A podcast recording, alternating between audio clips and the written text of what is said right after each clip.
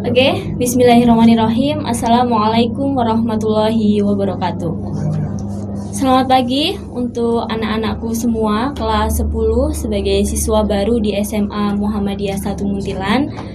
Yang pertama, Alhamdulillahirrahmanirrahim segala puji syukur kita haturkan kepada Allah Subhanahu wa taala yang mana karena beliau kita masih diberikan kesempatan untuk tatap muka meskipun hanya secara online. Dan kapan ya kita akan bertemu secara offline? Nah, itu akan menunggu sampai Kabupaten Magelang nanti berada pada zona hijau. Jadi, pada pagi hari ini kita akan sedikit bicara tentang keorganisasian dan nanti kita akan bicara berkaitan dengan keIPM-an. Oke. Saya di sini Eka Farida Wahyuning Tias. Nanti kalau kalian masuk ataupun komunikasi melalui online bisa panggil saya Butias. Kemudian saya mengampu mata pelajaran akidah akhlak untuk kelas 10, kelas 11 dan juga kelas 12. Oke, untuk yang pertama kita akan bicara tentang organisasi terlebih dahulu. Saya di sini termasuk salah satu orang yang pada hari ini termasuk yang tumbuh dan berkembang banyak di organisasi. Jadi, kalau kalian termasuk anak-anak yang ingin berprestasi dan ingin mengembangkan bakat, secak dan keterampilan yang lainnya, maka jangan siakan kesempatan untuk bisa berorganisasi di SMA Muhammadiyah 1 Muntilan. Karena di sini kita akan memiliki banyak sekali organisasi, ada IPM, ada HW, HW itu Hizbul Waton. Hizbul Waton itu apa? Hizbul Waton itu kepanduan yang ada di SMA Muhammadiyah 1 Muntilan. IPM itu apa? IPM itu Ikatan Pelajar Muhammadiyah yang akan kita bahas lebih panjang nanti. Oke. Kenapa sih kalian harus berorganisasi? Jadi kalau pengalaman saya sedikit, kita ketika berorganisasi kita akan mendapatkan keterampilan yang pertama public speaking atau kita akan memiliki kemampuan bicara meskipun belum begitu baik, tapi secara perlahan dengan jam terbang yang kita miliki, kita akan semakin memiliki kemampuan lebih baik. Dan itu perlu dicoba. Nah, salah satunya bisa kita kembangkan di organisasi, organisasi di sekolah karena kalian adalah pelajar. Kemudian, yang kedua apa? Di organisasi kita akan bertemu dengan banyak orang dengan banyak macam kegiatan yang di situ kita akan melatih kepekaan sosial, kita akan melatih problem solving dan kita akan mengolah hati kita sehingga kita bisa menjadi manusia yang lebih dewasa, yang lebih bijaksana karena kita terbiasa menghadapi suatu masalah dan menyelesaikannya. Dan itu hanya akan didapatkan di organisasi. Maka penting anak-anak SMA Muhammadiyah 1 Muntilan untuk berpartisipasi dalam organisasi apa pun selama organisasi itu tidak bertentangan dengan nilai-nilai ajaran Islam. Terlebih kita adalah pelajar Muhammadiyah. Jadi harus mengikuti organisasi bukan harus tapi kita setidaknya mengikuti organisasi yang selaras dengan Muhammadiyah dan memperjuangkan nilai-nilai agama Islam Ketika ada organisasi tapi malah menyelewengkan kita dari agama Islam, maka tinggalkan. Karena itu tidak baik untuk kita hari ini dan tidak baik untuk kita di masa depan atau akhirat nanti. Kemudian, tujuan dalam organisasi. Kalau sebelumnya terkait dengan organisasi semua sudah tahu nih. Jadi organisasi intinya adalah sebuah wadah yang di situ akan banyak orang yang mereka berkumpul berdasarkan hobi, kegemaran yang mereka memiliki tujuan yang sama yang telah disepakati. Itu adalah organisasi. Kemudian tujuan organisasi apa? Ya tergantung dari bidang gerak dari masing-masing organisasi. Contohnya IPM. IPM tujuannya adalah membentuk pelajar yang berakhlakul karimah yang terampil, Berbeda dengan nanti Hizbul Waton. Berbeda lagi dengan organisasi yang lainnya juga. Jadi berdasarkan bidang geraknya masing-masing.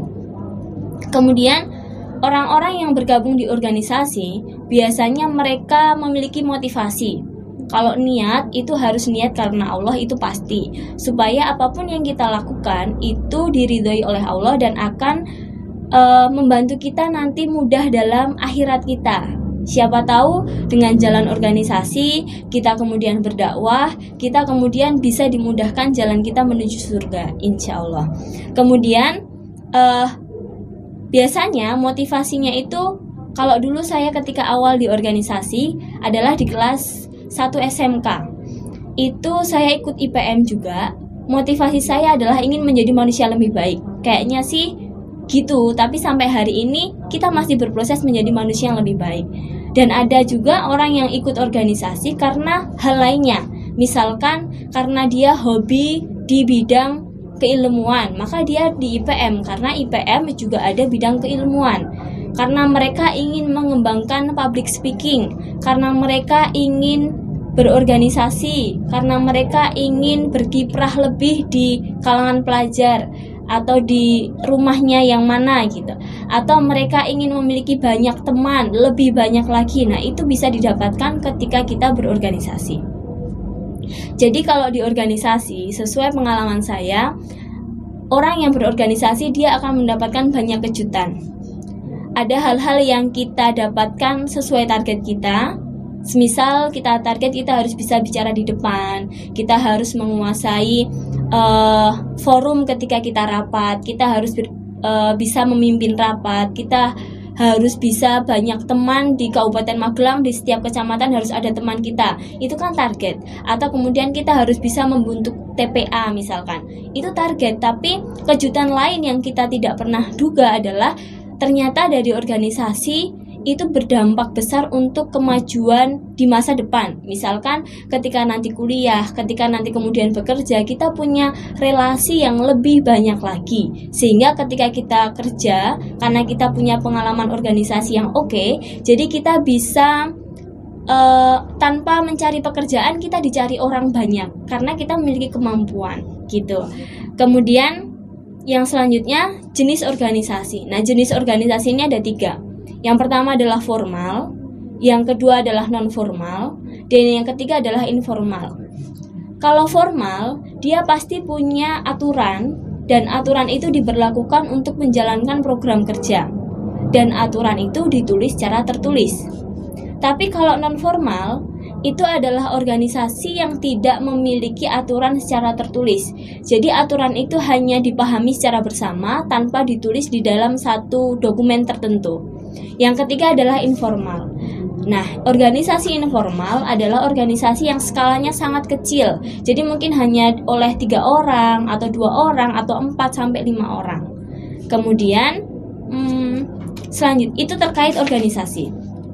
Nah, Kenapa harus berorganisasi? Selain kita akan mendapatkan tadi semua itu, ternyata berorganisasi itu juga termasuk salah satu yang dianjurkan oleh Allah Subhanahu wa taala. Sebagaimana Allah berfirman dalam surat Ali Imran ayat 104. Bahwa di situ Allah memerintahkan kita hendaklah ada di antara kalian segolongan umat yang mereka menyur, menyeru kepada kebaikan dan mencegah pada kemungkaran dan mereka itulah orang-orang yang beruntung.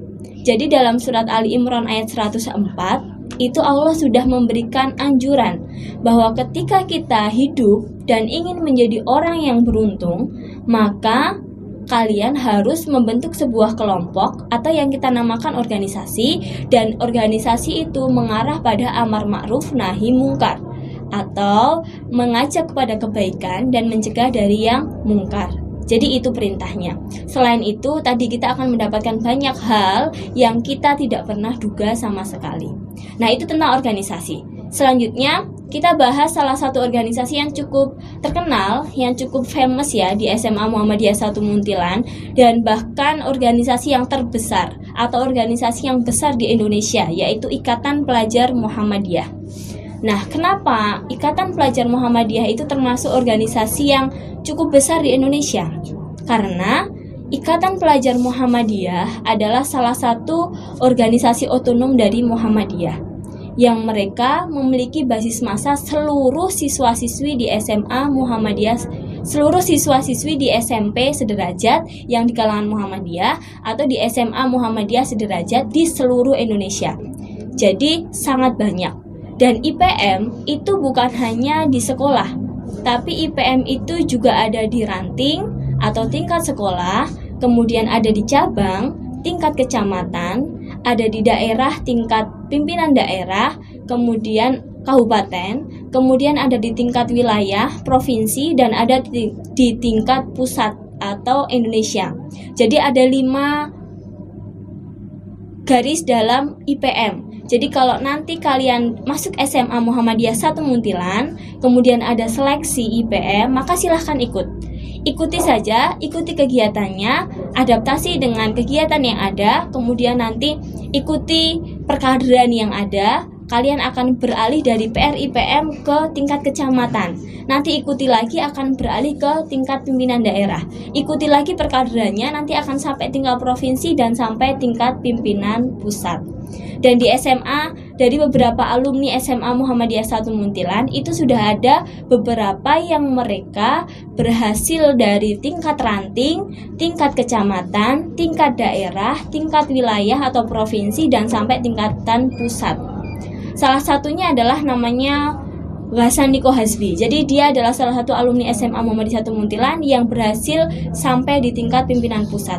Apa untungnya? Ya sangat untung gitu. Selain kita kemudian dikenal di seluruh Indonesia, kita juga memiliki kemampuan, kapabilitas, kualitas yang sangat oke okay dibanding mereka yang tidak mau berorganisasi gitu.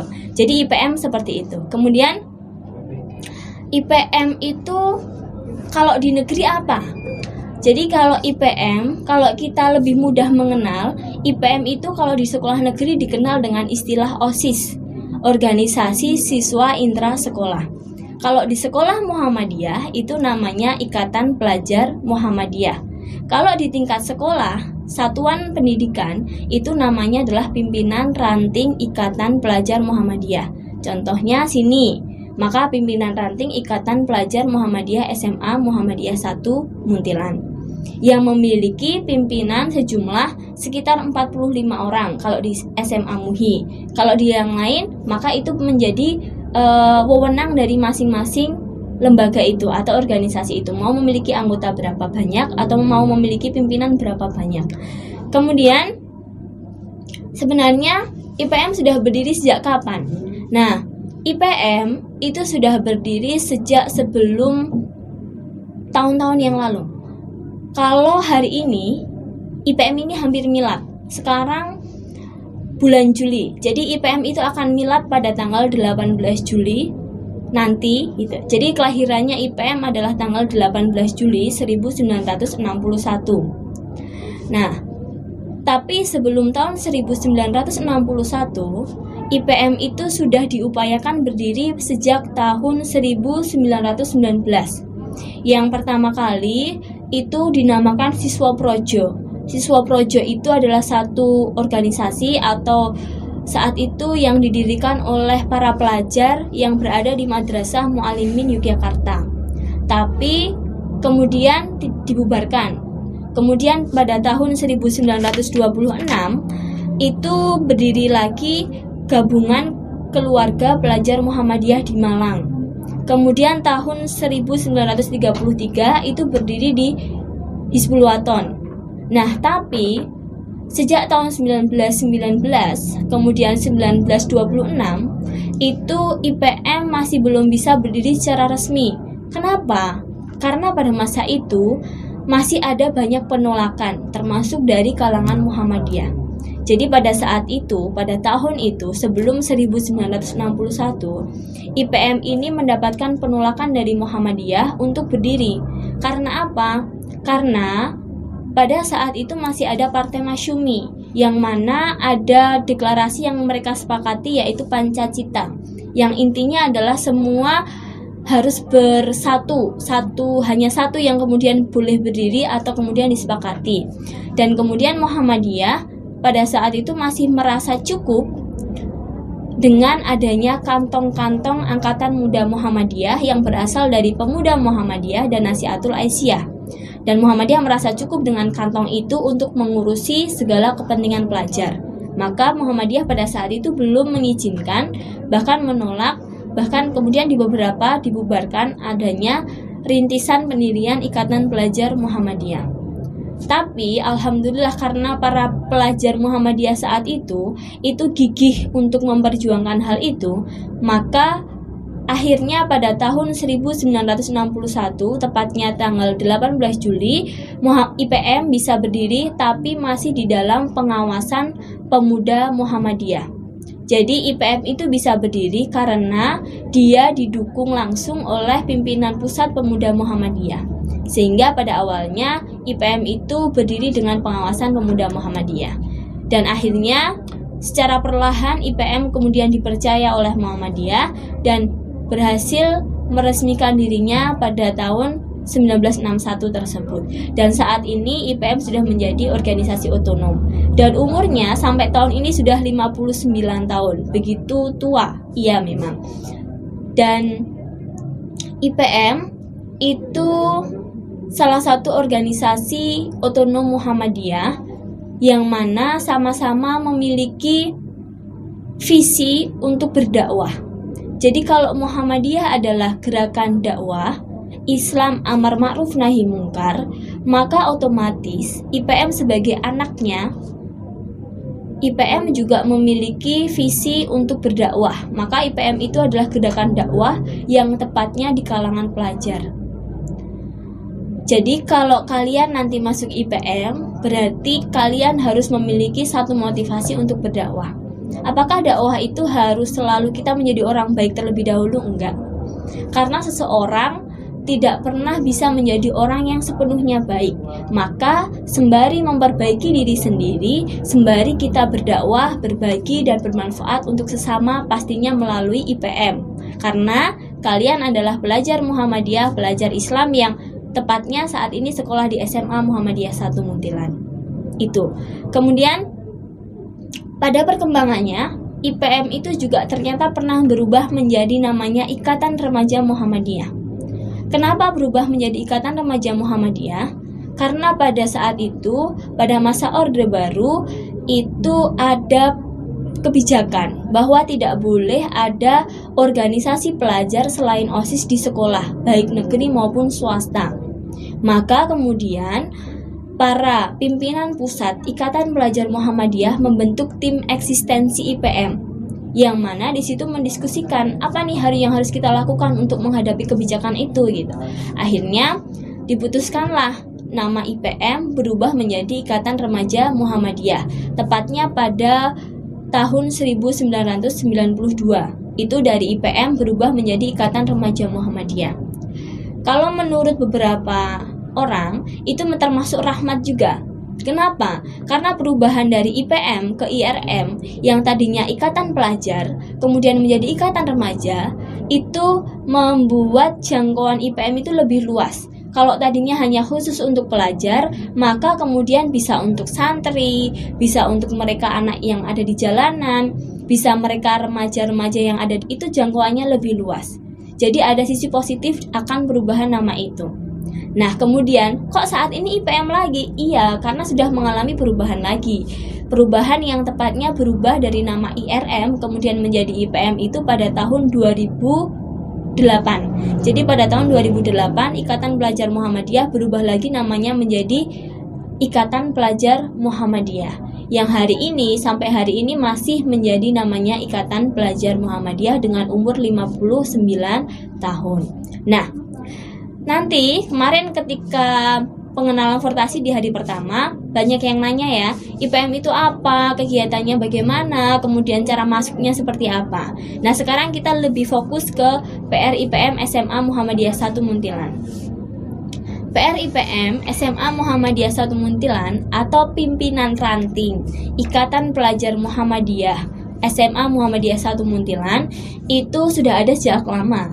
Otomatis sejak berdirinya SMA MUHI, nah kemudian ada IPM karena isinya adalah belajar Muhammadiyah.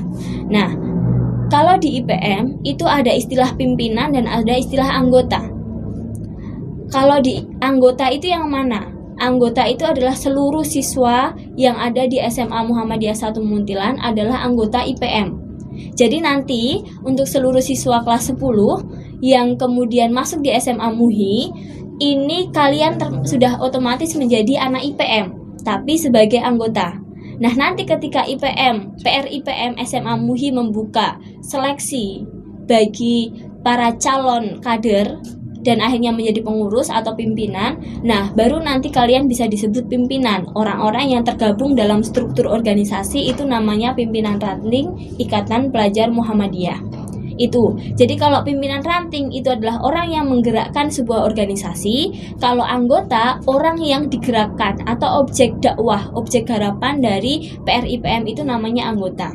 Jadi kalian otomatis sudah menjadi anggota IPM. Kalian adalah anak IPM. Kemudian PRIPM itu biasanya seleksinya kapan? Nah, PRIPM ini ternyata seleksinya biasanya diadakan bulan Agustus secara offline. Tapi karena hari ini adalah kita pembelajaran pun daring karena masih dalam masa pandemi, maka nanti pasti akan ada pemberitahuan bagaimana seleksi lebih lanjut dari IPM secara online atau offline atau dengan sistem seperti apa. Kita tunggu nanti pemberitahuannya. Kemudian programnya. Kenapa sih banyak yang tertarik di IPM? Karena di IPM itu banyak bidang. Kalau di katakanlah kalau OSIS itu mungkin ada seksi-seksi gitu ya. Tapi kalau di IPM itu adalah bidang. Ada bidang apa saja? Yang pertama ada bidang perkaderan. Bidang perkaderan itu apa sih? Bidang perkaderan itu bidang yang nanti akan mengurusi tentang penerusan dari generasi yang saat ini kemudian ke generasi selanjutnya. Kemudian bidang yang fokus memberikan pendidikan para calon kader yang nantinya akan menjadi kader atau akan menjadi penggerak di organisasi. Diberikan pendidikan maka itu ada namanya musyawarah ranting. Kalau musyawarah ranting pergantian. Nah, kalau yang bidang perkaderan memiliki namanya job training atau kemudian LDPR atau kemudian TM1, TM2, TM3. Jadi pendidikan untuk calon kader itu yang mengelola adalah bidang perkaderan. Kemudian yang kedua, bidang organisasi. Bidang organisasi itu yang mengurusi apa? Yang mengurusi seluruh manajemen organisasi di sebuah organisasi. Programnya contohnya apa? Musyawarah ranting atau pergantian pimpinan. Itu adalah salah satu program yang dimiliki oleh bidang organisasi. Kemudian yang ketiga ada bidang pengetahuan, pengkajian ilmu pengetahuan.